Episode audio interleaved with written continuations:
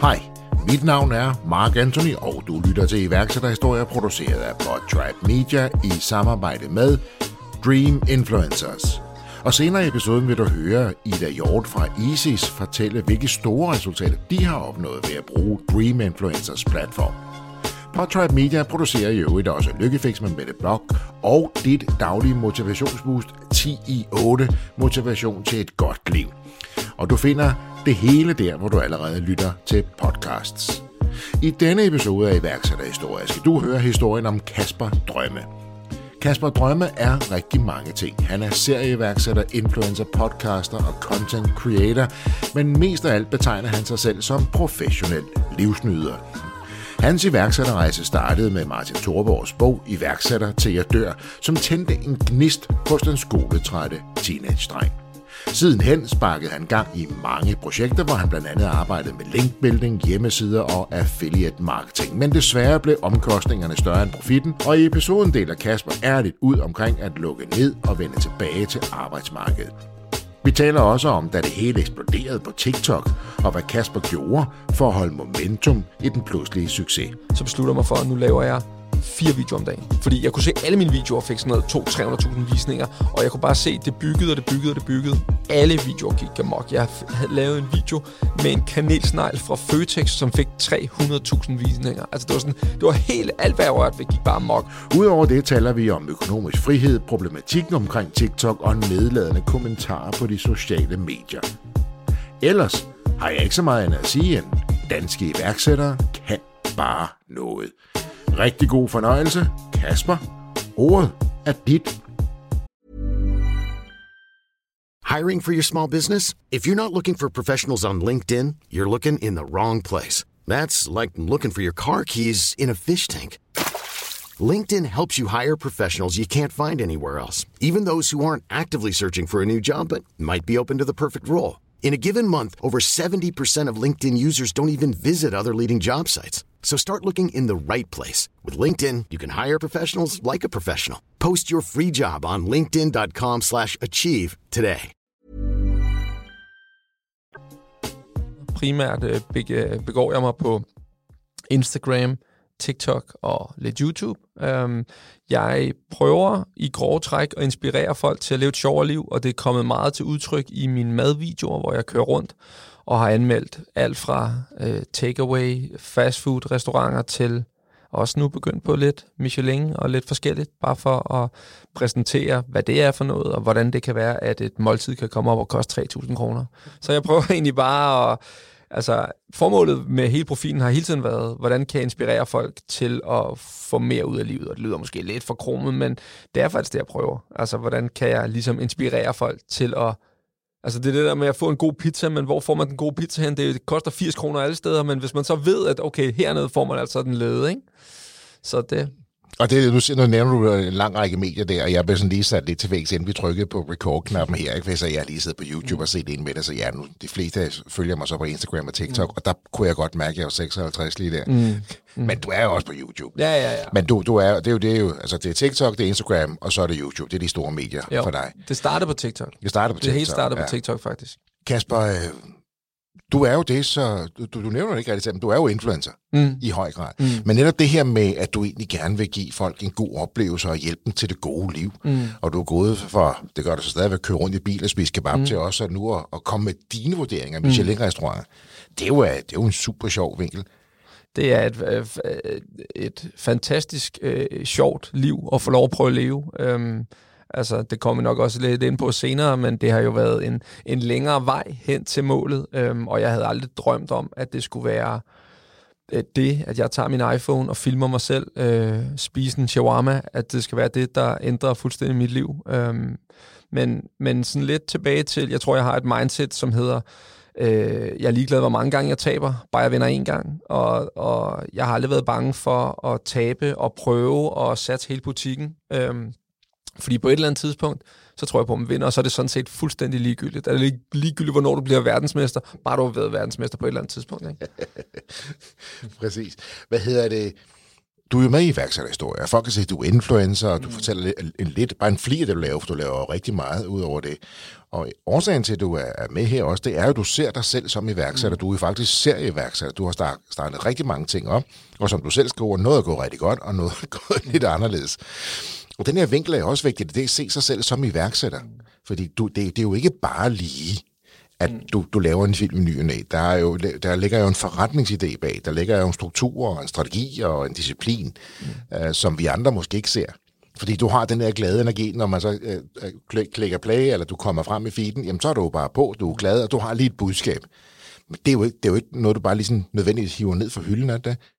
Nej, altså igen kommer det med erfaring. Altså når du starter med at lave podcast, så øh, tænker du noget skal være på en måde, og jo længere du kommer ind i det, jo mere dygtig gør du dig til, at okay, de her spørgsmål får øh, hvad hedder det, gæsten til at åbne mere op, og man skal huske, man skal stille åbne spørgsmål frem for lukkede, og det samme er lidt med mit. Øh, jeg havde en idé om helt da jeg startede, at jeg skulle skabe en virksomhed, så jeg kunne tjene nok penge til at leve det liv, jeg gerne vil. Men nu er mit øh, liv, jeg gerne vil leve, blevet min virksomhed, som jeg lever af. Du ved, så man kan aldrig sådan beslutte sig for, hvad er det egentlig, man gerne vil. Øhm, og om jeg kalder mig selv influencer eller værksætter eller whatever, jeg er egentlig ikke Altså de der, der er nogen, der er rigtig bange for at blive kaldt influencer, øh, og så vil det hellere hedde content creator, eller iværksætter, eller et eller andet. Jeg, jeg går ikke op i, hvad folk de kalder mig af forskellige prædikater. Jeg synes bare, at, at jeg får lov at leve et interessant og spændende liv, og det er ligesom det, jeg prøver at, at give videre. Og dele ud af. Mm. Med din energi, kan man sige, og dine personlige mm. kommentarer og vinkler. Som iværksætter, mm. hvad, hvad, hvad, hvad var det, det første, du startede op, og hvornår? Altså, jeg starter, hele rejsen starter, da jeg, jeg ved ikke rigtig, hvad jeg vil lave, da jeg er 18 år. Jeg har taget grundforløbet som elektriker, har ikke kunne finde en læreplads, ved ikke, hvad jeg skal. Så får jeg øh, juleaften øh, en øh, bog, min mor af Martin Thorborg, som hedder Iværksætter til at dør, og den su... No, no, ja, altså, jeg, jeg kommer fra at gå i skole og ikke gider at læse noget. Altså, jeg havde det. Jeg havde egentlig ikke at gå i skole, fordi jeg var ret god social, men at lave lektier og sådan noget der, glemte det. Det var slet ikke mig. Og at sætte sig og læse en bog frivilligt, det kunne jeg slet ikke forestille mig. Indtil jeg får den bog, hvor jeg så tænker, okay, det, det er vildt interessant. Og det her liv, som øh, det der med selv at stå og tage beslutningerne og prøve at have en idé om, hvordan noget kan være og være innovativ og sådan noget, det inspirerer mig helt vildt. Øhm, så jeg læser den bog her og går egentlig i gang. Jeg kan fandme nærmest ikke engang huske, hvad den første... Jo, jeg starter, det passer ikke, jeg starter med at lave øh, linkbuilding helt tilbage faktisk, og det var sådan noget med at oprette hjemmesider, øh, købe gamle domæner og øh, lade som om, der var lidt indhold på, og så, skulle man, så kunne man sælge de her links til forskellige virksomheder. Øh, så jeg kaster mig egentlig ud i online markedsføring. Jeg bruger ret meget tid lige i starten på Amino, som mange, der læser med, måske også har været med på, øh, eller hører med. Øh, og jeg bruger egentlig ret meget tid bare på at læse og læse og læse, og altså, øh, mit problem er ikke ikke at få idéer i hvert fald, fordi at det vælter ind i kassen på mig hele tiden med forskellige idéer, som ting at kunne gøre, og det gør det også i den her proces her, hvor man hører om folk, og Nå, så har de startet en webshop op, og så kører det og det og det. Så jeg starter med øh, at sælge links, og ender med at komme ind øh, og lave affiliate marketing. Øh, til dem, der ikke kender det, så foregår det på en måde, hvor at man øh, Øhm, primært online, jeg ved, det er vel online, øh, har man nogle hjemmesider, som henviser øh, brugerne til forskellige sider. Og det laver man så et affiliate-link, sådan så at folk... Øh, når de klikker på din side og går videre til, lad os sige, det er Sportsmaster, og de sælger på Nike-sko, jamen så får du en eller anden form for kommission og det. Det kan være en procentdel af det, du får. Øhm, og så sidder man, så er det jo egentlig at blive dygtigst til at kunne skrive den rigtige tekst, sådan så Google placerer dig højest, og hvad gør jeg med overskriften, og alt det der sidder jeg og kampnørder med. Øh, på et tidspunkt kommer jeg ind i en, øh, en, en større hjemmeside, på, for mig i hvert fald på det tidspunkt, hvor jeg får lov at stå for ansvaret af den, øh, og det går rigtig godt. Øh, jeg ender med at øh, låne nogle penge og købe siden af ham, der har den. Øh, jeg tror, jeg giver jeg ved ikke, jeg giver 150.000 eller sådan noget, så var mange penge dengang. Jamen, det var mange penge, og jeg har været, jeg ved ikke, hvad jeg har været, et par 20 år eller sådan noget, men jeg har egentlig aldrig gået op i øh, at have en dyr bil, eller et dyrt ur, eller noget i den stil. Jeg vil bare rigtig gerne øh, have friheden til at, altså på sigt, have råd til den dyre bil eller dyre ur, hvis det var det, jeg ville, men egentlig mere friheden til at, at leve og opleve og spise og whatever. Øhm, og det, så får jeg den øh, mulighed og køber ind i den, og det går sådan nogenlunde. Jeg troede måske, jeg var bedre, end jeg egentlig var men lærer rigtig meget af det, og kommer på kontor. Øh, på et tidspunkt så køber jeg mig en plads på sådan et kontorfællesskab med det, der viser sig at være enormt dygtige mennesker. Jeg sidder med øh, Halfdan Tim, som er øh, for Obsidian. Øh, jeg sidder med Dennis Dreyer, som ejer øh, Rito. Jeg sidder med en, der hedder Michael, som laver, øh, hvad hedder det, han laver Facebook-annoncering på det tidspunkt, og jeg sidder med en, der hedder Philip, som laver lidt det samme som mig. Øh, og egentlig en gang unge drenge, som, som alle sammen bare rigtig gerne vil det her. Øh, og det er enormt interessant og enormt spændende for mig, og får sindssygt meget spar- sparring, og de andre gør det. Altså Dennis er enormt struktureret og et utrolig dygtig. Han har fabrikken i Skive, eller fabrikken, men hele kontoret ligger i Skive, og han bor i København. Øhm, og Halfdan, på, da jeg starter med ham, har han noget, der hedder JUF, tror jeg, som er sådan noget advokatbistand-ting, øhm, og ender så lige inden han rykker med at starte Obsidian sammen med det her, som jo er blevet kæmpe bureau nu, ikke? Øh, og Philip laver det samme som mig, og Michael øh, ender over hos øh, Thomas Bigum egentlig. Så alle sammen enormt dygtige og enormt meget sparring, og alle gør det på hver sin måde. Jeg er enormt ustruktureret faktisk. Dennis og Halfdan er enormt struktureret, og vi andre tre er sådan lidt øh, ja, ustruktureret. Men vi lærer enormt meget af processen, og jeg lærer enormt meget af at, at, at være sammen med de her mennesker, som også ligesom mig ser konstante muligheder frem for begrænsninger. Um, så, så det, det, det, er ret, det er ret spændende og interessant at lære en masse der. Det lyder som en fan, fantastisk periode. Mm. Ja, gutter sammen der med, hvad, hvad altså, kunne og lære det, mm. og lære det hinanden.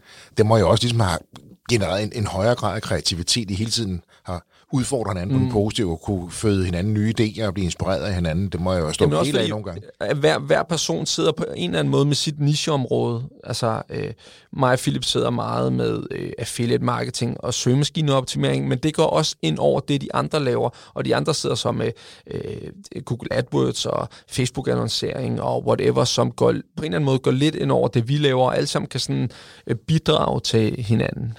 Um, men så bygger du jo egentlig, det lyder som om, du bygger en fornuftig forretning op. Du kører den der hjemmeside, bruger en masse penge på det, og har lige pludselig en, en virksomhed, der, der hænger sammen? Ja, det hænger sammen og hænger sammen. Jeg, altså, jeg kører meget på pumperne egentlig, fordi så voldsomt går det ikke for mig. Øhm, men, og jeg ender også på et tidspunkt med at må sige, jeg må tilbage og have et arbejde, øh, fordi jeg ikke har flere penge om at lukke virksomheden. Øhm, jeg tror, mange øh, ser det som et nederlag, og jeg synes da også, det var ærgerligt at komme tilbage på arbejde, mest fordi jeg øh, synes, det er sjovt at have friheden til at vælge, hvornår jeg gør hvad. Øhm, men jeg kunne også godt mærke, at det der med at sidde, altså det, det krævede at lave det, jeg lavede der, det var at sidde og skrive tekster og, og nørde rundt i det tekniske, og de andre var meget dygtigere end mig til det.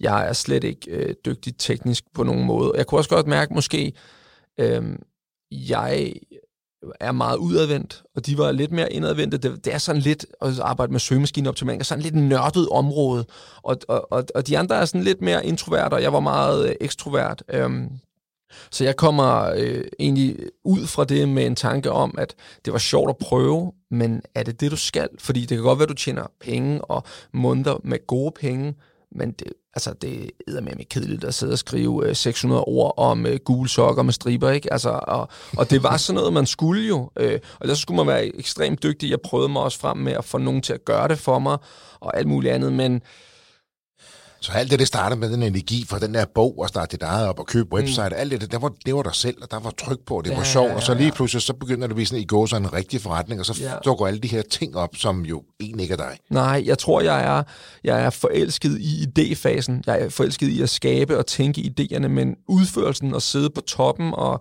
øh, betale fakturer og øh, sørge for, at de rigtige tekster og sådan noget bliver skrevet, egentlig ikke. Altså, og, og det kunne jeg godt mærke, at, at det, det var svært for mig. Så det lukker du ned, du får et job, men mm. det der, den her frihed, den her iværksætterånd, mm. den trækker alligevel lidt. Ja. Så, ja. så du, du ja. åbner igen med hvad? Jamen, hvad, hvad åbner jeg så med? Øh, jeg åbner faktisk, øh, på det tidspunkt ender jeg faktisk, jeg, jeg går tilbage på arbejde, men ender med at have en anden hjemmeside også, øh, som, som, hvor jeg faktisk køber en anden hjemmeside for nogle af de penge, jeg har tjent i den, på den første hjemmeside, køber jeg den anden hjemmeside, men det går ikke nok til, at det kan løbe rundt, så jeg, så jeg er uddannet pædagog, ungdomspædagog, så, så jeg kører faktisk den på sidelinjen, fordi det er alligevel for gode penge til at lade være at, at have den kørende. Øhm, men jeg brænder bare ikke for det mere. Altså i starten, der sad jeg og læste og tærpede, og på engelske sider, hvordan får man det hele til at hænge sammen og sådan noget. Øh, og, og altså, det er sådan mere af pligt, end det er af lyst. Jeg kan Fordi, se helt dit udtryk, når, ja, ja, ja. når du beskriver den der periode. Du bliver næsten helt ja, træt ja, ja, ja, ja, jeg bliver helt træt i sugen igen. altså, det er altså, det, ja, for mig er det røvkedeligt at sidde og skrive øh, 600 ord om et eller andet fuldstændig ligegyldigt emne. Fordi det var, det var lige så meget, at man skulle skrive 600 ord, og man skulle huske, at øh, en søgeord skulle indgå øh, 8% af tiden, og det var sådan helt teknisk kedeligt, ikke? Og jeg var egentlig ikke til det. Øh, men, og så, så jeg ender faktisk med at få, få solgt det, og øhm, på det tidspunkt her, nu er vi lidt langt hen, men vi er over, hvor at jeg så øh, arbejder som, øh, som øh, nattevagt på et botilbud for unge hjemløse.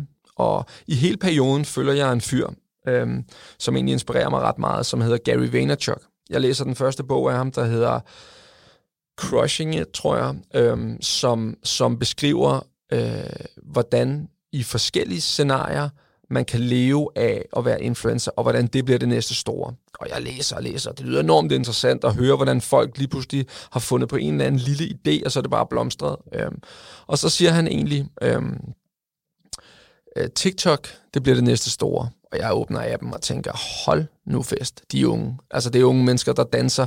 Jeg slet ikke se mig selv i det der. Hvad der, der er det blevet til TikTok, der, der hedder det ikke musical længere. Nej, nej. Der, der er det jeg, har, jeg har lige snus til musical lige øh, grundet mit arbejde som pædagog. så, så, så var de unge mennesker på musical lige øh, på det tidspunkt. Øh, men, men jeg... Øh, jeg, jeg, jeg får ideen faktisk med den, den hjemmeside, har jeg ikke solgt endnu på det tidspunkt. Den hjemmeside, jeg har, øh, har sådan noget proteinbar, proteinpulver et eller andet. Og så tænkte jeg, okay, i, igen er vi tilbage til, at jeg er mere ekstrovert, og rigtig mange af dem, der sidder og laver det her, er introverte. Så der er ikke nogen, der filmer sig selv, komme med anmeldelser. Det vil sige, en anmeldelse på et proteinpulver er, den er god, den indeholder så meget protein og kulhydrater, la la la, på tekst. Så tænkte jeg, okay, hvad hvis jeg laver det som video? Så jeg øh, prøvede på TikTok at lave det som video, for at tænke, hmm, kan vi lave et eller andet her? Øhm, og min fjerde video eller sådan noget, får 200.000 visninger, hvor det var sådan, og det er virkelig dårligt filmet, altså det er sådan noget, jeg, jeg troede i starten, så tænker jeg, jo kortere video, at videoen er, øh, jo flere visninger får den, fordi da, da, algoritmen er sådan lidt, øh, jo mere watch time de har, øh, altså procentmæssigt, jo flere ser der, det er sværere at scrolle videre fra en 15 sekunders video-agtigt. Øhm, så, så, så jeg troede, hvis jeg laver 15 sekunders video om det her, øh, så, så fungerer det. Og øh, jeg, øh, jeg gør det her en del gange, og det kører ind i med succes, og på et tidspunkt, så ser jeg nogle andre lave noget med mad, hvor jeg tænker, okay, det kunne også være meget sjovt, bare for, fordi jeg kan godt mærke, at jeg har egentlig ikke passion for at sidde og teste proteinbar og proteinpulver. Det er kraftigt for kedeligt, ikke? Det kommer til den der struktur. Ja, ja, ja, ja. ja, men det skal man jo ikke. Altså, ja. altså, og også sådan lidt, hvor mange rammer det? Altså, der er selvfølgelig fitnessindustrien, og der er mange, der går i fitnesscenter. Hvor, hvor, hvor meget går man op i, at der er kommet en ny proteinbar, medmindre du er virkelig er ballsteep i uh, fitnessindustrien, ikke? Og så prøver jeg igen at øh, filme noget, hvor jeg bare tager ud og, øhm, og filmer mig selv, spiser noget mad, og så går det bare sindssygt godt. Øh, jeg tror, den får 100.000 visninger eller sådan noget. Så det, er... du har jo nogle følgere på det her tidspunkt, selvfølgelig. Ikke særlig meget. Jeg tror, jeg har øh, 4.000 følgere på TikTok. That's it, når du starter det her. Ja. Og så, så begynder, og du tænker, okay, proteinbar, det er fint nok, men det er et lille segment mad. Alle spiser mad. Ja, ja, ja.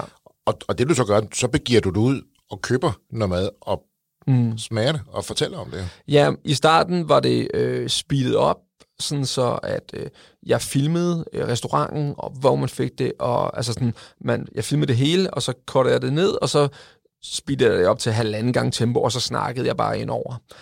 Og så så jeg nogle andre øh, gøre det, og så tænkte jeg, okay, der er et eller andet med at putte noget personlighed i, så hvordan gør man det? Og, jeg blev, og hele konceptet faktisk helt fra proteinbarne var også, hvordan kan jeg gøre det ærligt? Fordi det, der er med øh, øh, affiliate marketing, det er, at det er fandme svært at gennemskue, om det er en god sko, fordi du får jo procenter for at sælge den, så selvfølgelig synes du, den er god. Agtigt, ikke?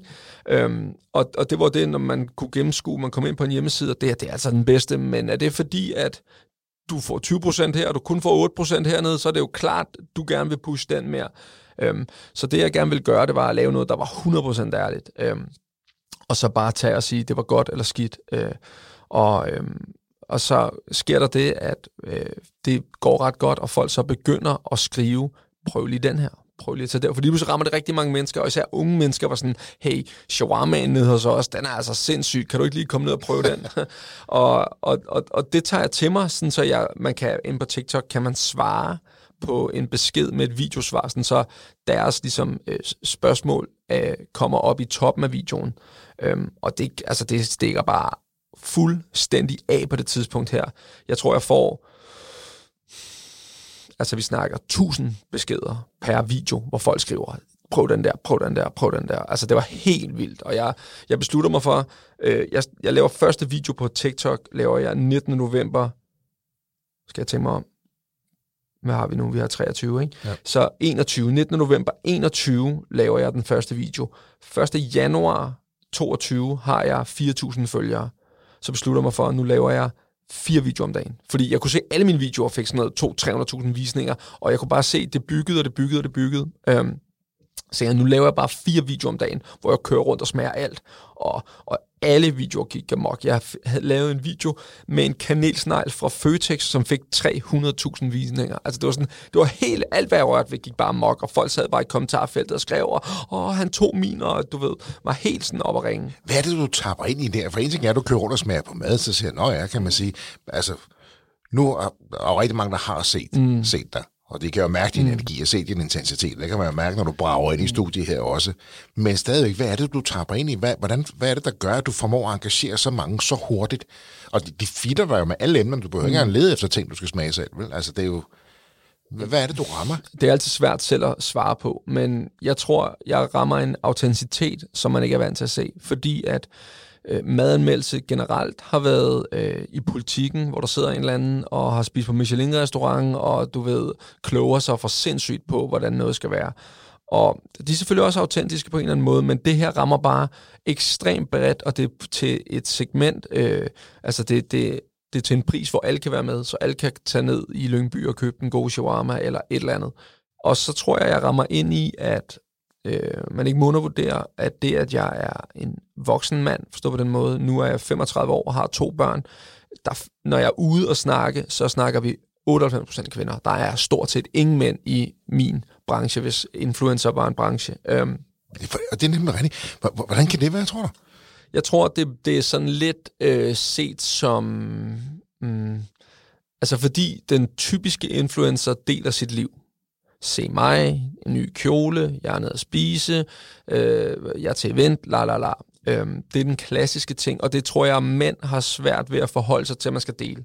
Der er nogen, der gør det, men det er det bliver tit mænd, mænd, ud, mænd ud over mig er tit omkring børn. Altså der er andre influencer, mandlige influencer på min alder, er tit omkring børn. Så er det børneting, vi gør, eller se mig, jeg hygger med familien, og så kan man spejle sig lidt i det far til et eller andet.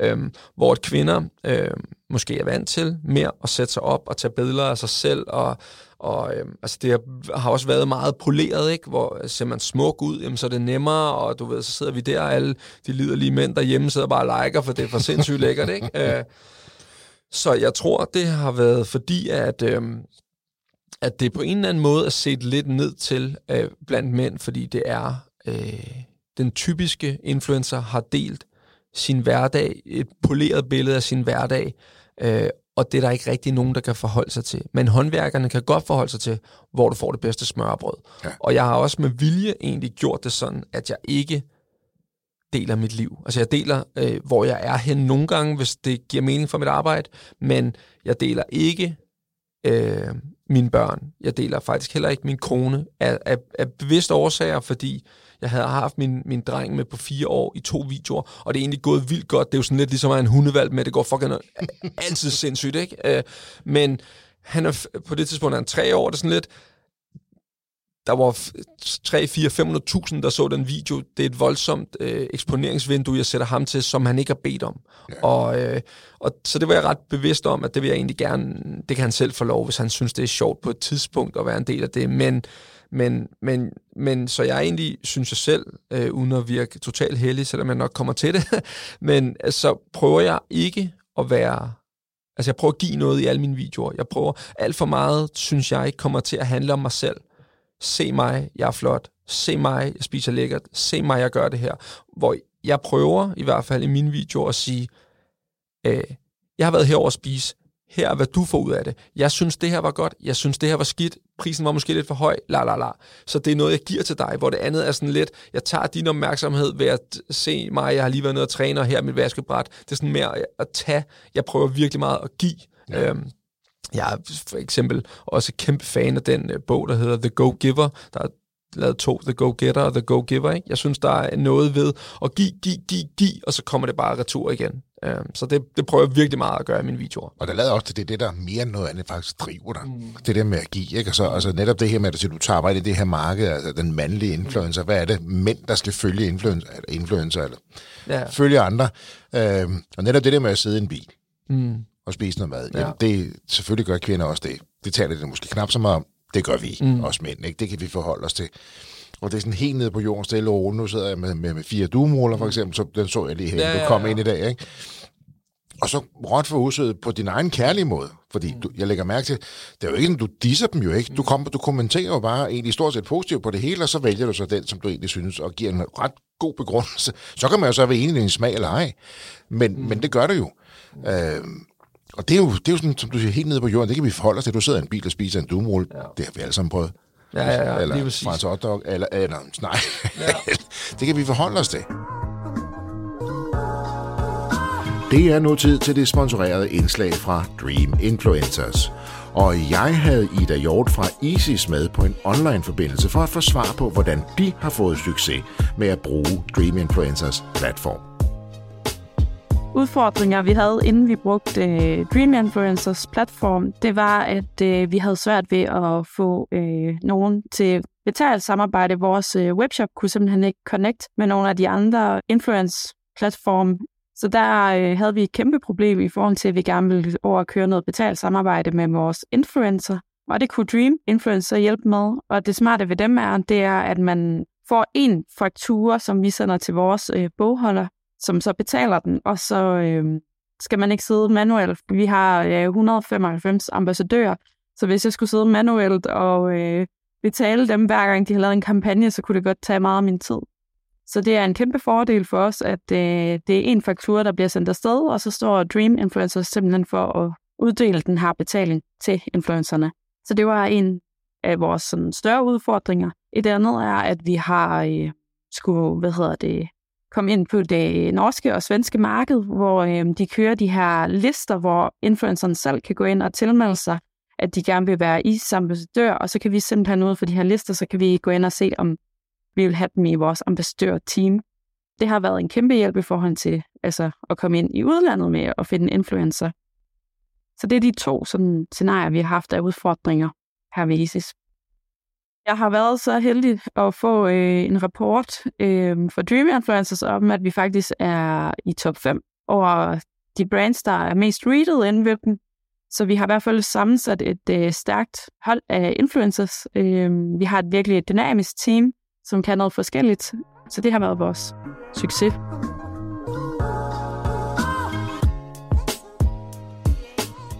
Hvordan, hvordan bygger du så din forretning op? Og det kan måske være et nævnt spørgsmål.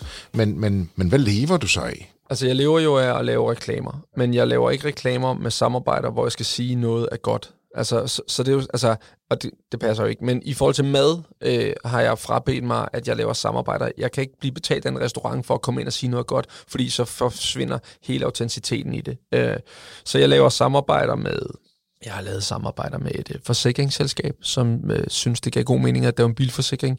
Jeg har lavet samarbejder med Fitness World, øh, fordi at øh, det, det kunne vi få et short take på. Jeg er meget, jeg har, øh, synes jeg selv, en enorm selvironi, så jeg er ikke bange for at se dum ud. Så jeg var til øh, sådan noget fuck, hvad hedder det, flow, eller et, øh, body, et eller andet, hvor det er mig og 30 kvinder, der står, det er sådan noget med at twerke og ned, og du ved, og det får vi filmet, og, og jeg skal stå aller forrest, du ved, med et kamerahold, der står og filmer mig og sådan noget, men jeg synes, der er noget charmerende i ikke at være for selvhøjtidlig. Og det synes jeg hurtigt, man kan komme til, især på de sociale medier, være for god til at være nogle steder.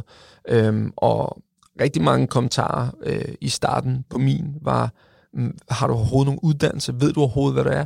Og der har jeg været meget hurtig til at sige, nej, overhovedet ikke. Det her, det er bare min mening. Ja. Øhm, og det kan folk øh, faktisk rigtig, rigtig godt forholde sig til, for det er sgu de færreste, som har en lang øh, restauratøruddannelse eller kokkeuddannelse eller et eller andet, som forstår det på det plan, det er. Men vi kan sgu alle sammen forstå, om en pizza den er halvkedelig, eller den faktisk er virkelig, virkelig lækker. Og det er vel også den store forskel, det er, at du siger ikke, at sådan er. Du siger jo ikke, det her det er rigtigt. Du siger bare, at det her, det synes jeg. Mm. Mm. Og så kan folk jo så være enige med dig eller ej. Og det er netop det, der er så forskelligt, synes jeg også. Netop det, det, det er min mening. Det er det, hvad jeg synes. Ja. Og du må selvfølgelig gerne synes noget andet. Du må godt synes, at den her skal have fire stjerner i stedet for fem, mm. eller uh, komme hjem på førstepladsen. Og den er umiddelbarhed.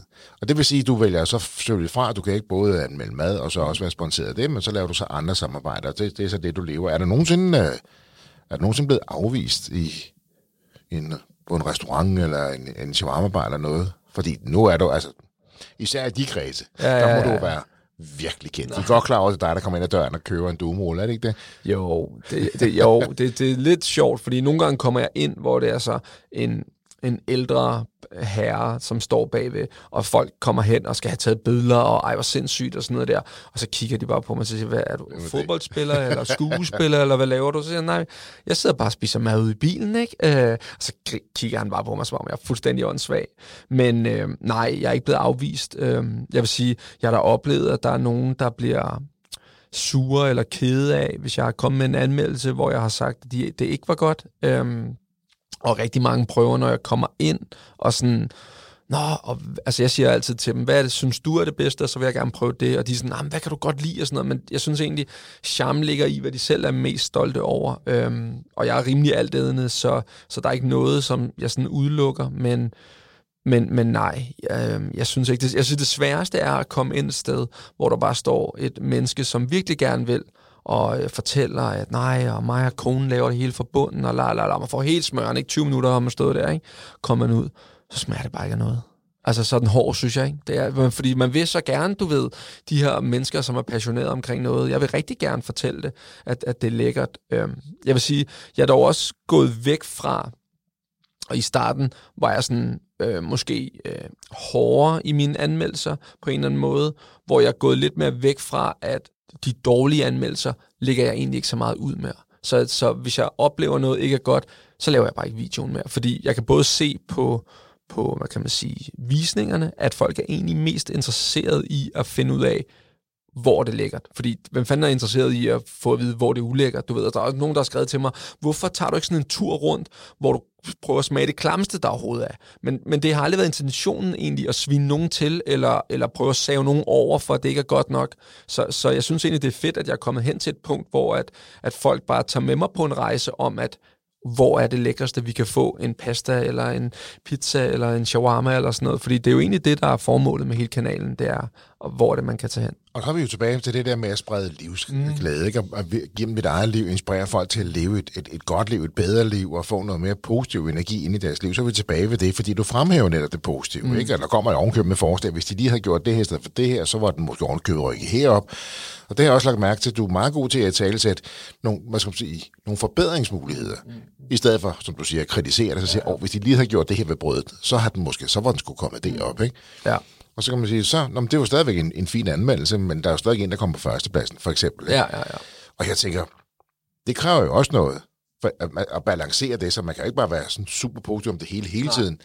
Men, men man skal stadig sige, at det her, den er stadig bedre, fordi Jamen, og jeg er meget bevidst om, at, at det skal være, altså det bliver nødt til at være ærligt. Det bliver nødt til, hvis du går ind på min anmeldelse og siger, okay, han har sagt, den er lækker, den her. Og hvis du så kommer ud, og det er sådan, ah, hvad fanden var det ikke? Altså selvfølgelig kan vi have forskellige smag, men, men generelt set, så synes jeg, at, at, at det er vigtigere for mig, at øhm, publikum, som følger med, får det helt ærlige svar, end at jeg pleaser nogen. Altså, ikke? Fordi man vil rigtig gerne, altså jeg vil gerne fortælle, øh, hvis der er nogen, der laver godt alle sammen, men det er bare ikke alle, der gør det godt, selvom de virkelig tror, at de laver en god burger eller sådan noget, så den bare ikke god. Og så skriver de til mig, hey, og det var også den forkerte, der stod i køkkenet, og et eller andet, et eller andet.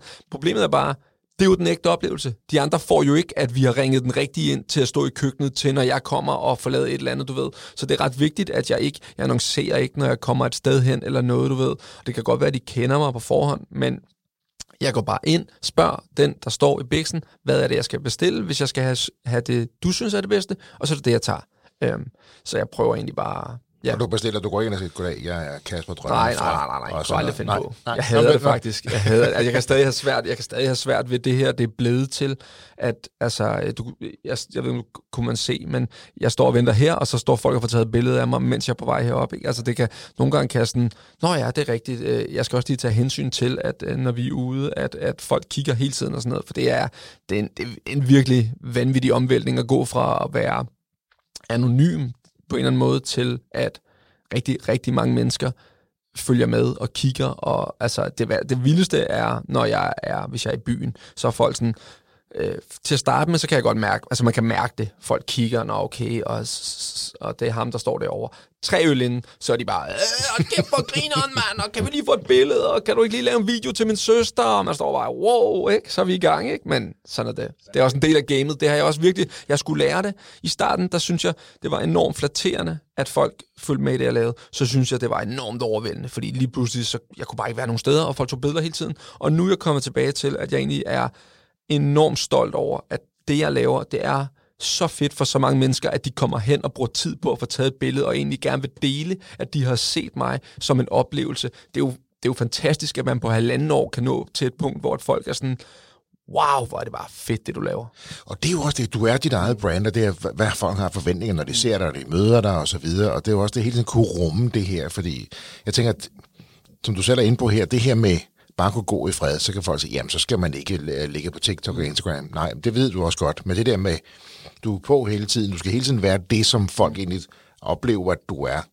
At du ja. kan ikke bare gå for dig selv. Man kan ikke lige gå sådan have en dårlig dag på samme måde, fordi når de, det, er jo, det er jo dine følgere, det er jo dem, der, du, du i princippet lever af, kan man sige derude. Ikke? Man bliver enormt selvbevidst i hvert fald om, jeg, jeg, altså jeg har aldrig været sådan en, der er gået, jeg kan godt lide at have pænt tøj på, når jeg skal ud og sådan noget, men men, men har aldrig sådan været helt, du ved, det store moddyr med det hele bare skal siden jeg går ud. Men jeg er blevet meget mere bevidst om mig selv. Hvad har du egentlig på at tøj, og hvordan ser du ud? Især når jeg kan mærke, at folk kommer hen, du ved, fordi man gider ikke bare lige sådan en, sådan en der lige er rullet ud med, med pletter ned og tøjet på jogging vel? Fordi, fordi Lidt ligesom hvis man skal til øh, op og have taget et billede. Hvis man ved, man skal have taget et billede, så tager man bare pænt tøj på. Og det er bare min hverdag hver dag. Altså, jeg ved, jeg skal ud og tage billeder, så derfor vil jeg gerne, jeg bliver klippet ofte, jeg får altså altid trimmet øjenbryn og, hvad hedder det, øh, vokset næse, og øh, prøver at have pænt tøj på hver dag og sådan noget. Så, så det bliver man enormt bevidst om sig selv hele tiden. Sørger hele tiden for, du ved, lige tjekke tænderne, fordi det var surt, at lige at få taget billeder, hvor man står og smiler, og så har man bare et salatblad hængende i hele kajen, ikke? Ja. Altså, så, så man bliver enormt bevidst om det, synes jeg. Merchandising er du jo også gået ind i, eller mm. hvad et stykke tid. Uh, især din, din hue, Ja. Øh, og så strømper. Ja. Det, det, er jo, det er jo to celler, der hoster os, mm. øh, hvor man lige har dit, uh, de tegnede ja. antal, dit logo jo, jo på. Øh, hvornår, hvornår begyndte du at tænke i den retning? Øhm, jamen, det, det var egentlig fordi folk... Jeg, jeg har jo hele tiden haft hue på, og det har jeg haft i forskellige farver. Øhm, folk har skrevet, ah, hvor du købte den hen, og la la la. Og jeg synes egentlig ikke, dem der var, var i særlig god kvalitet. Øhm, så tænkte jeg, det vil jeg gerne lave. Øh, øh det var da en god måde også øh, igen øh, en fin indkomstvej til at lave noget, som folk synes er sjovt, og så samtidig tjene nogle penge på det. Så jeg ender med at få fat i øh, et firma, øh, en rigtig dygtig firma, som kan hjælpe mig med at få lavet det i en kvalitet, som, altså, så, så begynder man jo lige pludselig at tænke over, at det skal jo helst være grønt, og det skal jo helst være, fordi det er også en, en brand-ting, ikke? at øh, det er jo ikke noget, jeg kører Kina-krims, ikke fordi man ikke kan få grønne ting fra Kina, men forstår du, mener? Altså, det er helt billige lort, og bare pusher det ud og skal tjene penge på det. Så processen er egentlig rigtig lang, og jeg vil sige, jeg tror måske, erfaringen, jeg har gjort mig med det merchandise her, er, at mit publikum måske er mindre merchandise-fixeret. Når jeg kigger på min statistik, især på øh, Instagram, så kan jeg se, at det er primært mænd i alderen 18-35. Og hvis jeg kigger på mig selv, det er fandme ikke meget merchandise-ting, jeg har. Så det har ikke været, det har slet ikke været den øh, guldgruppe, øh, jeg har øh, troet, det var, som da jeg startede. Øh, så kan jeg se på nogle andre af mine kollegaer, som er yngre og på TikTok, hvor det er meget ung målgruppe, de sprøjter bare det der merchandise ud, for det vil de altså gerne have, de unge. Men min målgruppe er ikke til det. Men igen, det er, det er en fin læring hele vejen igennem. Jeg tror også, skulle jeg, jeg bestilte også alt for meget, jeg med, om du skal jo også, øh, der er god mængde rabat, hvis det, og lige pludselig så står jeg bare med 78 papkasser hjemme i stuen, du ved ikke, og fuck mig, mand. Men så er det. Når man bygger den uh, virksomhed op, som du har bygget op, og det hele er jo dig, det er jo dit navn, det er dig, du er dit eget brand, men det er også blevet en virksomhed. Mm. Hvordan, øh, hvordan driver du den? For den, du er på hele tiden, som du siger, du går ud af døren, så er du på. Du ved ikke, hvem der møder dig. Du har opgaver, du skal ud og anmelde, og, og så videre. Men der er jo også en virksomhed bag. Mm. Har du fået mere styr på strukturen og strategien? Og... Ja og nej. Altså, jeg har et agency på, som står for alt, alt samarbejde, og det er, jeg synes, det, der er mange, der spørger mig, om kunne du ikke lige spare de der procenter der, og så selv gøre det? Jo, og nej, fordi det giver mig en enorm tryghed, at de læser alle kontrakter igennem. De står for alt, øh, hvad kan man sige, kommunikation med de brands, som skriver, at de gerne vil lave noget. De står også for at række ud til de brands, som jeg gerne vil lave noget sammen med. Øhm, og så hjælper de mig bare generelt med at have en struktur, øh, som er, husk, du skal møde herover der, og du, husk, du skal, øh, de her ting skal lægges op på det her tidspunkt, og husk at tagge det der, og husk at skrive den her caption, la la la, alle de der ting, som man skal have styr på, sidder der nogle mennesker, og hele tiden hjælper mig med at holde styr på. Øh, så har jeg revisorfirma til at stå for alt det tekniske, og så øh, fucker jeg selv op øh, alt det, jeg selv skal stå for. Jamen, jeg er en nisse til det der. Jeg er vildt kreativ og enormt god til at se idéer. Igen tilbage til, jeg er ikke ham, der sidder og har styr på, øh, øh, hvordan man skriver 600 ord, og virkelig nørder det, og det hele bare klapper. Øh, jeg er bedre til bare at sige, okay, øh, det ser stramt ud denne måned, så laver jeg bare endnu mere fedt indhold, du ved, og så er det det, ja. der ligesom er min målsætning konstant at lave fedt indhold, fordi jeg er nok egentlig ikke så god til at drive forretningen, jeg er langt bedre til at skabe opmærksomheden. Så den her balance, du har med at have et fornuftigt agency på, have en revisor, mm. så der er styr på, på baglandet, så at sige, på, på fundamentet, og så kan du gøre det, du er allerbedste, øh, for ellers, som du selv siger, så var der, ja. så sejler det, ikke? Så står skattefar bare og krasser hver måned, ikke? Det nytter heller ikke noget. Og så står hun der og giver dem, jeg kan ikke forstå, at jeg simpelthen tjener så mange penge, hvor, hvor de henne alle sammen, ikke? Ja, ja, ja. ja. ja. Præcis. Uh, når selv Johnny Depp, han kan være ved at løbe tør for penge, ikke? Uh, fordi han har fået han var, der er lidt for meget gang i den. Ja, ja, ja. ja. ja. Jamen, der er mange, der ser. Man ser det især i, i NFL, der er det sådan noget. De tjener jo, øh, hvad vi andre tjener på en livstid tjener de jo på fem år, og alligevel er 50 procent af dem bankerot, når de er færdige med at spille, fordi at så er hele familien har fået lov at, at sutte på æblet og så videre. Ikke? Ja. Og det er også noget, der har været vigtigt for dig. Mm. Din familie, som du, du, du, du passer godt på din familie, på, på, på, det, på, på, på, på din familie, for dine børn, ikke, ikke, ikke mindst. Mm. Øh, og det der med at være så public en figure, så offentlig en person, som du er, og så du gav eksemplet før med, med dit barn på tre år, men mm. man lige kunne passe på dem og beskytte dem lidt, og stadig være familiefar, samtidig med, at man er det her brand, og samtidig skal drive en forretning. Det er jo lidt af en balanceakt, tænker jeg. Ja, meget, fordi at på den ene side er det jo egentlig en, øhm, en kæmpe business case for mig at køre familien ind også. Altså, du ved, hvad jeg, jeg kunne tjene endnu flere penge på at sige, hov, vi er her som familie, vi er der som familie, men jeg har egentlig aldrig gået med drømmen om at blive mange, mange millionærer. Altså sådan, øh, forstå på den måde, øh, planen er selvfølgelig at komme hen til et sted, hvor jeg har økonomisk frihed, men jeg vil ikke øh, Øh, for altså betale det, det koster. Øh, og der er mange, der bruger det, øh, hvad hedder det på, især Instagram ser vi rigtig mange have stor succes med at være familie på Instagram. Jeg synes bare, jeg adskiller det 100% til indhold, er til brugerne. Det er ikke mit liv. Det er ikke, nu har vi det lidt trist derhjemme, eller nu skændes vi også, eller øh, du ved, øh, nu nu har min datter smidt blæen, eller sådan noget der. Så jeg prøver egentlig at holde det meget adskilt til at sige, det jeg laver, det er underholdning. Øhm, og, og det er ikke øh, at dele ud af mit liv, så det har jeg hele tiden været bevidst om, at det ønsker jeg egentlig ikke at være. Omstilling er også vigtigt i din branche, kan man sige. Vi, vi, vi, vi jokede lidt, eller du jokede lidt med mig i hvert fald, du ved. De helt gamle, de bruger Facebook, ikke? Og så, mm. så YouTube kommer lige efter, og så er det så Instagram, og så er det TikTok. Ja. Det er ligesom den vej, det går. Nu er der jo rigtig meget snak om TikTok mm. og Kina og aflytning og sporing og skatteforbydes. Jeg tænker mig, der er rigtig mange uh, i din branche, som primært og især på TikTok, det er der, de helt klart er størst. Øh, hvordan, hvad, hvad er snakken i branchen? Det er kun noget, man snakker om som virksomheder, eller som på borgen. Det er ikke noget, man snakker om overhovedet. Der, det er jo, altså, det der er, er, at det er jo ikke TikTok som platform, det er øh, måden, vi øh, konsumerer indhold på, som er revolutioneret. Det vil sige, at vi er gået fra at øh, se tv, der er ingen, der ser Flow TV mere. Jeg har lige læst en, en eller anden analyse om, at jeg, gennemsnitsalderen er 60 år eller sådan noget på folk, der ser Flow TV. Øh, der er heller ikke så mange, der er stadig mange, der hører radio, men, men mens øh, visuelt medie er vi jo gået fra billeder på Instagram til længere formater på YouTube, til nu er det shortform indhold, som bare blæser ud af, og de prøver alle sammen. YouTube har deres shorts, Instagram har deres reels, og TikTok har TikToks. Øh, ja. Så skulle den blive lukket ned, så vil der jo gå fire sekunder, øh, så vil der komme en ny platform, som vil gribe hele det marked, som ligger der. Så det er slet ikke i tvivl om, at, øh, at, at ikke er noget problem. Og jeg ser det også, altså man, man kan hele tiden gå og være bange for, hvad nu hvis det sker. Jeg trykker bare på, indtil det sker. Og hvis det så sker, jamen så må jeg omstille mig. Øhm, fordi jeg tror også på, at jeg bygger så meget brand lige nu, så hvis, jeg, hvis der kommer en ny platform, jamen så vil mit ansigt gøre, at jeg hurtigt vil generere en enorm følgerskar på det, fordi jeg har bygget brand på de andre platforme. Og man kan vel også se alle dem, der følger, de mennesker, de nu følger, hvis TikTok vil ende op med at blive lukket, jamen så vil man flytte et andet sted hen, og så bliver følgerne til jo mm. med stor sandsynlighed følge med der selvfølgelig. Det er bare fordi, nu er der meget snak om det, ja. og også forskellen på indholdet i, i Kina, der er det jo uh, opdragende og uddannende af små videoer, der er, og, og nogen siger, at det er jo det rigtig for, fordummende, er der nogen, ja. der er ude at sige om, omkring, hvad der er bevist uden for Kina. Om det er rigtigt, det de eksempler, der kommer frem, det kan jeg ikke vurdere. Nej. Men hvis det er sandt, så synes jeg også, det er ret interessant, ikke, at der er en deling. Altså, hvad, hvilken type yeah. indhold er der i Kina, og hvilken type indhold er der så uden for Kina? Problemet er, at det jo, øhm, altså, den er jo bygget op på en anden måde end Instagram. Instagram er bygget, øh, bygget op på, hvad kan man sige, dine venner, og TikTok er bygget op på dine interesser. Det vil sige, på Instagram, der ser du det, dine venner ser.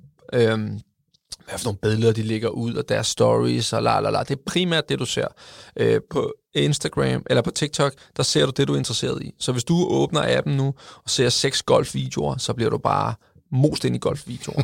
øh, fordi den har fundet ud af, at du synes, det er sjovt at lære at drive, ja. så finder den ud af det. Øh, og, og så er den enormt god til det, så, så det er jo fordi, den er bygget op på en anden måde. Så det er jo, ja, det, det, jeg var til konference for ikke så lang tid siden, hvor TikTok Nordic selv var der, hvor de også snakker om det her problem med, at, at der, altså for det første er de, synes, altså nu er det jo deres side af sagen, så det er jo altid sådan noget lidt øh, lyserødt, ikke? Men, men at de synes ikke, de er blevet hørt i en, i en samling, og hvorfor har man ikke spurgt, og de opfylder alle de samme krav, som de andre gør, og nu er de ved at åbne i Irland og i Norge, og det er ved at åbne datacenter, fordi det er den store, øh, så bliver det ikke lukket i Kina, og la la la.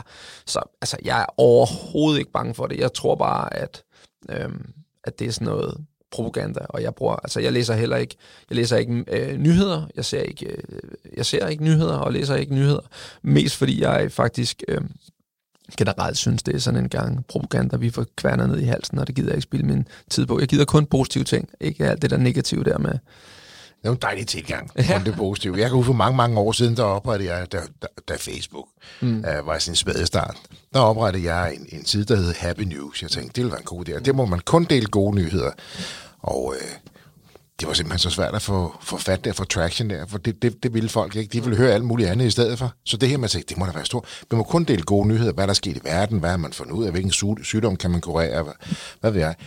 Det var, at man skulle prøve at genopleve den i dag. Men jeg fik slet ikke fat. Jeg synes, det var en genial idé dengang. Men det, det, det gad folk. Der er vi også tilbage i sådan nogle ni stykker, ikke? Ja, jo, jo, jo. Jeg har faktisk selv tænkt over faktisk også at lave en side til gode nyheder, men det er virkelig svært for, bare at finde dem faktisk, mm. fordi mediet er bare fyldt af, at nu er hende blevet, hun er blevet voldtaget, eller øh, de er døde, eller de her to børn er forsvundet, eller whatever, som fylder mediet, fordi det, af natur vil man bare gerne læse, du ved, uha, og hvad sker der der, og jeg må hellere forberede mig selv på en eller anden mærkelig måde. Ikke? Men der må jo være mindst lige så mange gode nyheder som dårlige. 100%. 100%. Men dårlige nyheder selv er umiddelbart bare bedre. Ja, men det, jeg tror, der vi er, er blevet på en eller anden måde indoktrineret, nu skal jeg passe på med at bruge ord, jeg ikke fatter, øh, men hvad hedder det, at vi er blevet vendet til, at, at hele tiden skulle være i beredskab. Og så er det vigtigt for os hele tiden at læse, sker der nu noget voldsomt omkring mig, så jeg skal være i beredskab. Hvor at hvis man øh, fjerner det, så åbner man faktisk øh, hovedet for, øh, det er interessant. Men det er måske også mindre interessant hele tiden at høre om, at hov, øh, nu er der kommet de her fire nye blomster et eller andet sted. Altså, man er jo meget nichet, ikke? Altså, sådan, igen, det der med, går du op i golf, jamen så får du bare golf serveret lige i kajen, ikke? Men vi kunne jo vende os lidt til at glæde os over de her gode nyheder, eller glæde os over, at der kommer blomster. Det, ja, ja. Det er måske også, når du siger, at vi er blevet vendet lidt til nogle ting af en given retning. Ikke? Men Kasper, så er det jo godt, at sådan en som dig tør dele ud af dig selv, og være så positiv, og så sige, at det er det, det hele handler om. Jeg lukker af for de dårlige nyheder, jeg vil ikke bare gerne sprede glæde. Og, og det gør du jo i høj grad. Det kan man jo bare se på, på dine følgere og dine afspilninger. Det, stik, det stikker jo helt af. Um, og, og, og, lad os lige sådan få tidligt på plads. Hvornår var det egentlig, du sådan kastede over det her første gang? med at lægge den første op, hvor det så bare lige pludselig eksploderede? Ja, første, første, nej, 19. november 2021 lægger den første video Det var den første video. 1. januar har jeg 4.000 følgere, og der beslutter jeg mig for, at nu lægger jeg fire videoer op om dagen. Og på 14 dage får jeg 45.000 følgere på øh, TikTok. Jeg kan huske, jeg står på, på det tidspunkt, at min Instagram-profil ikke taget fart. Så øh, begynder jeg, og øh, der er mange, øh, efter jeg har været ude et sted, som smager godt, så tager de fat i mig, og så siger de, hey, kan vi lave et eller andet? Så siger jeg, hey, så lad os give følgerne noget, så vi giver, jeg laver en giveaway, så du kan vinde for 500 kroner et eller andet sted, eller sådan noget. Og det, men det laver jeg så på Instagram, øh, sådan så følgerne også kommer derover, og det skaber noget der. Øh, og da jeg rammer på Roskilde Festival, øh, rammer jeg 100.000 følgere sidste år. Ja, så, øh, og så er det så vokset til nu, at jeg har 250.000 følgere på TikTok, 127.000 på Instagram og næsten lidt over 40.000 på YouTube. Ja. Og det er altså et land, der ikke har ramt 6 millioner mennesker ja. endnu. Ja. Og det er jo, det er jo typisk danskere. Du, du taler jo dansk kun, jo. Kun dansk, ja, ja, ja, det går at der var nogle svensker og nordmænd, der var ja. på også. Nej, men, man kan, men, jeg er 99 procent ja. danske følgere. Ja. Kasper Drømme. Mm. Hvad kan vi vente fra din side i fremtiden? Nu har vi jo talt, hvor du kom fra, mm. hvad du laver, og baggrunden for det. Og, men det er også en forretning. Du er jo stadigvæk iværksætter. Ja, ja, ja. Uh, ja, altså jeg har igen, jeg har mange idéer, men jeg tror, altså til alt muligt, man kunne lave. Jeg tror, øh, det her med merchandise øh, har gjort, at jeg har tænkt lidt, det er måske for tidligt, du starter ud på at bygge egne produkter, bygge mere brand, øh, bygge, øh, koncentrere dig om det, du er god til, for det fjerner jo også fokus, at jeg skal øh, bruge lang tid på at få udviklet produktet, og det skal designes, så jeg skal også bruge tid på at promovere det, og la, la, la. Så jeg tror egentlig bare, øh, jeg kommer til at lave Øh, Øh, rigtig meget mere rejseindhold. Nu har jeg været, altså på det sidste halvandet år har jeg lavet 900 videoer med forskellige restauranter fra Danmark. Øhm, og øh, nu har jeg lige været i London. Det er gået rigtig godt. Nu skal jeg til, jeg flyver til Bergamo her på søndag, og der skal jeg også lave noget fra. Øhm, så jeg prøver egentlig bare, og så udvide det også igen. Jeg har startet kun med helt billig fast food, så blev det til Michelin-restauranter. Jeg vil rigtig gerne lave noget omkring oplevelser. Jeg vil rigtig gerne igen bare inspirere folk til at komme ud og leve livet. Altså sådan, og ud og se, hvor kan man se de vildeste steder i Norge, du ved, kan man køre hen til sådan et helt fantastisk lille ishytte øh, et eller andet sted, eller du ved, sådan noget vil jeg ja. rigtig gerne vise os.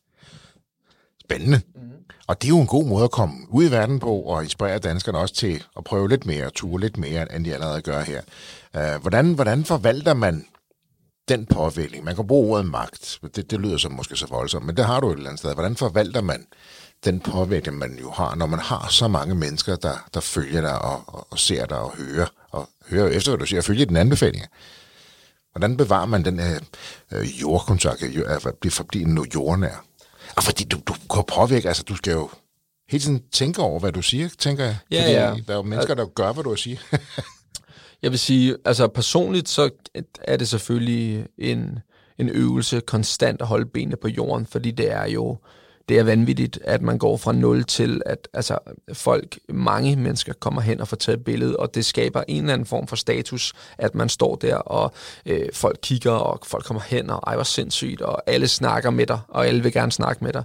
Øhm, så, så det er konstant en øvelse i at lære at ikke blive for fed på sig selv. Øh, og, og der er der nogle gange, hvor man øh, synes, man er det, og så er der nogle gange, hvor at, øh, altså, man også bliver slået tilbage, du ved, hvor man tænker, hu, jeg skal også lige huske bare at holde benene på jorden. Så det er konstant en øvelse. I forhold til den magt, jeg har, så prøver jeg egentlig bare at gøre det, at jeg kun øh, laver noget positivt. Så jeg får da også mange beskeder, hvor folk siger, hold kæft, du har grimme ører, eller dine udtalelser er helt skæv, eller et eller andet, et eller andet.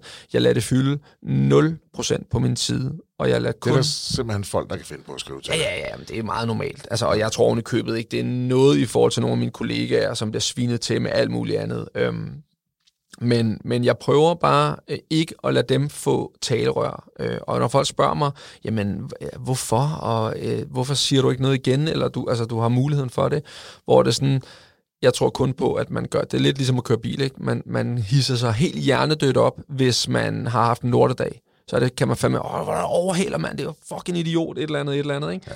Hvor at hvis man er totalt overskudsagtig, du ved, at det helt bare kører, man lige har lukket den store aftale, og børnene er glade, og du ved, man er på vej på weekend, et eller andet, så er man bare sådan, ja, ja, kom bare, det er fint, og du har sikkert travlt, ikke? Altså, så, så det der mindset der med at forstå, at folk skriver kun noget voldsomt til dig, hvis de selv har det af lort. Og det der med hele tiden at have det overskud og sætte ud, og det der, når folk kommenterer, det at kunne børste det af sig, mm Øh, jeg, jeg lavede et opslag om, omkring noget, jeg laver på et tidspunkt, øh, og nu har jeg en lille smule færre følgere mm. end dig. Øh, det kan jeg jo godt afsløre her, tror jeg. Men så lægger jeg et billede op og fortæller om, om det her foredrag, jeg skal ud og holde, og så kommer der, det er jo dejligt, der er nogen, der kommenterer, så det lyder spændende, og så er der en, der skriver ja og ølvom. Mm. Fordi jeg sidder på billedet, og så er det åbenbart, så han synes, jeg har det med jo. Mm. Så jeg kan godt med, at det der bliver sådan lidt, mm. ah, altså, var, det, var det virkelig det, du så? Så, så tænker jeg, hvad skal jeg, skal jeg slette den, eller hvad? Så siger min kone bare, nej, bare sige tak. Mm. Så siger jeg, tak. jeg bare siger tak, fordi han engagerer sig. Ja. Og så skrev jeg så, tusind tak, fordi du engagerer dig med et opslag. Øh, sådan en hjertesmiley. Ja, præcis. Jamen, det gør og, jeg også, ja. Og, og det, derfor har min kone, jeg har jo ret, men jeg kan godt mærke, at jeg sådan lidt, er det, var, var det det første? Og så, mm. og så beder jeg også lige sådan kigge ned og sige, ja, okay, den er blevet lidt større måske, ja, det er også godt være. Og det er jo bare mig, altså jeg, det er jo mikro i forhold til alt det, du må, mm. altså alt det følger, du har, alt det, du er udsat for, kan man sige, så at sige. Men, og så tænker jeg, hvordan, hvordan pokker gør man, hvordan børster man bare dem der af sig? Det er en øvelse, og man kan ikke altid gøre det, men for det, for det meste må man, må man øh, acceptere, at man har stillet sig op på en mælkekasse og råbt på en eller anden måde, se mig, og, og så er der nogen, som øh, igen kommer fra et sted, hvor de Altså, de har det bare skidt lige nu, den dag. Det kan være, at konen lige er gået, eller det kan være, at de er lige blevet fyret, eller et eller andet, et eller andet, og så går det ud over dig. Men jeg lægger ikke mere i det end det. Øh, jeg prøver virkelig at lade være. Det, det rammer også mig, når nogen siger, da kæft, du er også tyk i hovedet, eller øh, du har også taget på, eller hvad fanden ved jeg. Det, det, det er ikke, fordi det ikke rammer mig, men det må ikke, altså på min kanal må det ikke få lov at få liv, fordi at jeg tror på, at hvis man kun, altså det er sådan en karma-ting, ikke? hvis man kun giver noget positivt, så mængden af positivt, man får tilbage, er også bare så meget større. Og der er lige meget, øh, hvor, hvor korrekt og rigtig og fantastisk du er, lige meget om du stod der i vaskebræt, så var der en, der havde skrevet, hold kæft, hvor du selv fed. Altså, ja, du, ja. lige meget, du, kan ikke, du kan ikke ændre ved nok ting til, at alle vil elske dig alligevel.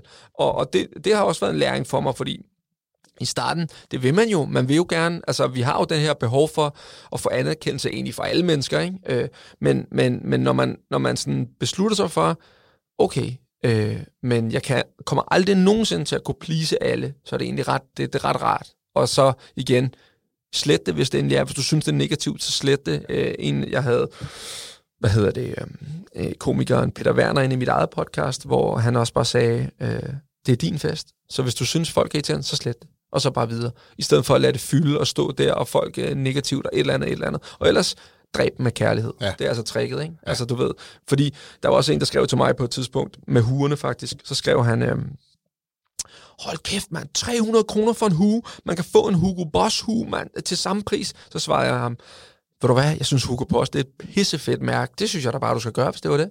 Du ved, så min kommentar fik måske sådan noget øh, 50 likes, og han, hans fik 10, men du ved, det, var, det, det viser også bare meget, at menneske i modgang, du ved. Det, hvis, hvis jeg havde skrevet tilbage, hold kæft, det er jo også fordi, at dit og dat, og du skal bare, og du kan bare fise af, hvis du ikke et eller andet. Det viser meget, meget mere um, om mig som menneske, end det viser om ham. Så hvis man har overskud til at vende den om, hvis man ikke har overskud, skal man bare lade være, du ved, så bare lade ja, dem hænge. og lade dem hænge. Ja, ja, ja. Og det tror jeg, der behøver man ikke være influencer for at lære en en masse af. Det tror jeg, der er rigtig mange af os derude, der kan lære af. Også især iværksættere, der starter op, fordi der er meget modvind, der er meget kritik, der er meget tvivl, som iværksætter bliver udsat for. Nu sikre, det er også et dumt sats, eller det, hvad det er for et produkt, du mm. har. Så der tror jeg, at rigtig mange iværksættere også kan lære det der børste af det, eller kvæle det med kærlighed. Mm. Øh, og ellers så bare lad det ligge. Ja, ja, ja. Og problemet er, at man har jo lyst. Nogle gange kan jeg da også, du ved, at ungerne, du ved, men jeg fuck ikke sovet hele natten, eller så vågner man op til en kommentar, så har man også bare lyst til at skrive, hør nu her, Johnny, du sidder derhjemme i din wife beater, helt fedtet ind i din mors kælder, du ved, bas ned, ikke? Men Altså igen, hvad får jeg ud af det, ikke? Altså, der er en, en nul at vinde på det, ikke? Man får det måske lidt op på en kort bane, men det kommer jo kun... Ja, det var fuldstændig ret. Ja. der er lige, tiden flyver, Kasper, i de selskaber, og den her wife beater kommentar, det er lige før, vi skal runde den på det. Kasper, jeg ved, du er super travl, og jeg er virkelig glad for, at du tog dig tid til at komme ind og fortælle din iværksætterhistorie. Øh, fordi det er du jo også. Og så vil jeg bare sige, at jeg er kun en lille smule misundelig over, at du skal til Bergamo og, mm. og prøve en masse mad dernede. Uh, det synes jeg er fantastisk. Det er velfortjent, du har knoklet for det.